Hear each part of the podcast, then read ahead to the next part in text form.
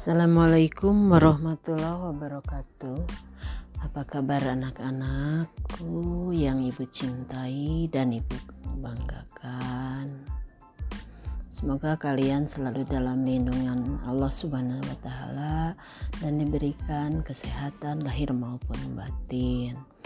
Nah sebelum kegiatan ini Mari kita berdoa dahulu. Berdoa selesai Nah, adapun topik kali ini yang akan Ibu berikan dalam kegiatan layanan bimbingan dan konseling yaitu menghargai pendapat orang lain. Nah, adapun tujuannya yang harus kalian capai yaitu peserta didik atau konseli mampu memahami pengertian menghargai pendapat orang lain. Yang kedua, Peserta didik atau konseli mampu menyebutkan lima manfaat menghargai pendapat orang lain. Kemudian, peserta didik atau konseli mampu mendengarkan curhatan orang lain dan memberikan pendapatnya. Nah, mari kita lanjutkan kepada materinya. Nah, menghargai pendapat adalah mendengarkan pendapat orang lain dan merundingkan setiap pendapat tersebut secara musyawarah dan kesepakatan bersama. Mengalahkan ego egoisme pribadi merupakan sikap di mana belajar toleran terhadap pendapat orang lain. Betapa pentingnya menjalankan hidup penuh toleransi di tengah-tengah kemajemukan mau mendengar dan menerima pendapat orang lain, lalu mempertimbangkan secara cermat. Manakala pendapat orang itu lebih tepat, benar, dan mendasar, sementara pendapat kita sendiri tidak demikian, maka hendaklah mengakui dan menerimanya dengan kebesaran hati. Apalagi pendapat tersebut didukung dengan fakta dan bukti yang kuat sehingga tidak ada alasan bagi kita untuk tidak menerima argumentasi tersebut. Nah, di sinilah dibutuhkan kearifan dan kebesaran jiwa. Ukuran pergaulan hidup antar sesama manusia pada hakikatnya bukanlah diukur dari menang-menang. Menang-menangan atau siapa yang kuat dialah yang paling benar dan yang paling berpengaruh omongannya yang paling didengar. Nah, sama sekali tidak demikian. Anak kecil yang berkata benar saja berpendapatnya perlu didengar. Sepertinya yang dikatakan orang bijak. Jangan lihat siapa yang mengatakan, tetapi perhatikan apa yang dikatakannya. Jadi, perkataan yang baik dan benar hendaklah diakui dengan benar sekalipun kebenaran itu relatif sifatnya. Namun, kearifan pribadi sangat diperlukan untuk mengakuinya. Demi untuk mengalahkan egoisme dalam diri yang selalu menguasai kita. Memang, selama kita masih hidup di dunia ini, egoisme itu tetap saja selalu ada dan selalu kita temukan manusia yang egois. Menjalin persahabatan dengan orang-orang egois tidaklah salah.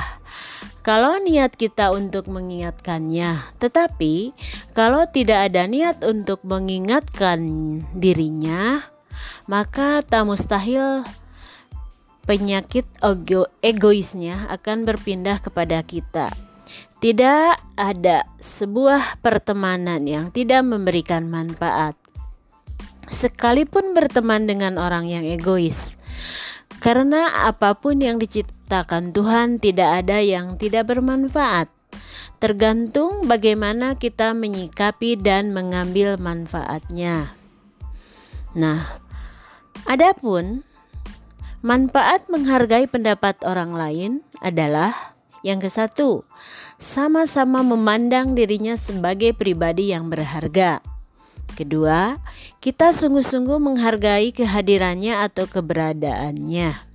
Ketiga, mengakrabkan hubungan antar pribadi. Keempat, belajar memahami dan menghargai keunikan tiap individu. Kelima, mendorong orang lain untuk mampu membuka diri. Nah, itulah manfaat tentang menghargai pendapat orang lain. Nah, adapun tip untuk menghargai orang lain. Nah, yang pertama, dengarkan, cerna dengan baik saat lawan kita sedang berbicara dan jangan menyela pembicaraannya saat di, dia berbicara. Kita akan terhormat dan dihormati oleh lawan bicara kita. Lalu, yang kedua, bila kita tidak sependapat dengan pandangan orang lain, jangan langsung kita katakan bahwa pandangannya itu salah, tapi cari luang. Kapan? Kata yang indah dalam menyampaikan pendapat kita akan pendapatnya. Dengan demikian, komunikasi dialog antar kita dengan lawan bicara akan berlanjut berjalan kondusif dan tidak membuat merasa disepelekan. Nah, yang ketiga, selama tidak mengganggu target waktu atau agenda kita dalam diskusi, biarkanlah orang lain untuk mengungkapkan ide-idenya. Siapa tahu dari ungkapan lawan diskusi kita ada ide dan masukan yang bisa bermanfaat untuk kehidupan kita. Nah, kalaupun Anda merasa isi pembicaraannya tidak berkualitas, maka jadilah pendengar yang baik. Maka anda akan dihormati orang lain.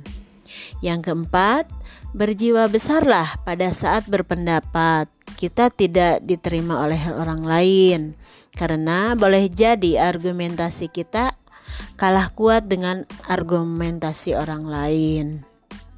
Kemudian, hormati teman kita. Kendati pun kita berbeda pendapat dengan apalah dengan dengannya ya. Apalagi memandang sebagai musuh. Jangan sampai persahabatan kita dengannya menjadi putus dikarenakan terjadi perbedaan pendapat.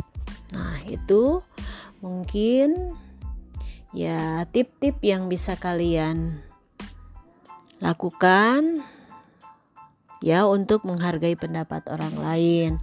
Mudah-mudahan dipahami dan jelas dan semoga ya kita bisa dipertemukan kembali dalam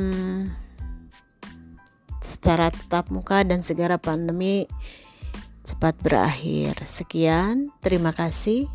Wassalamualaikum warahmatullahi wabarakatuh.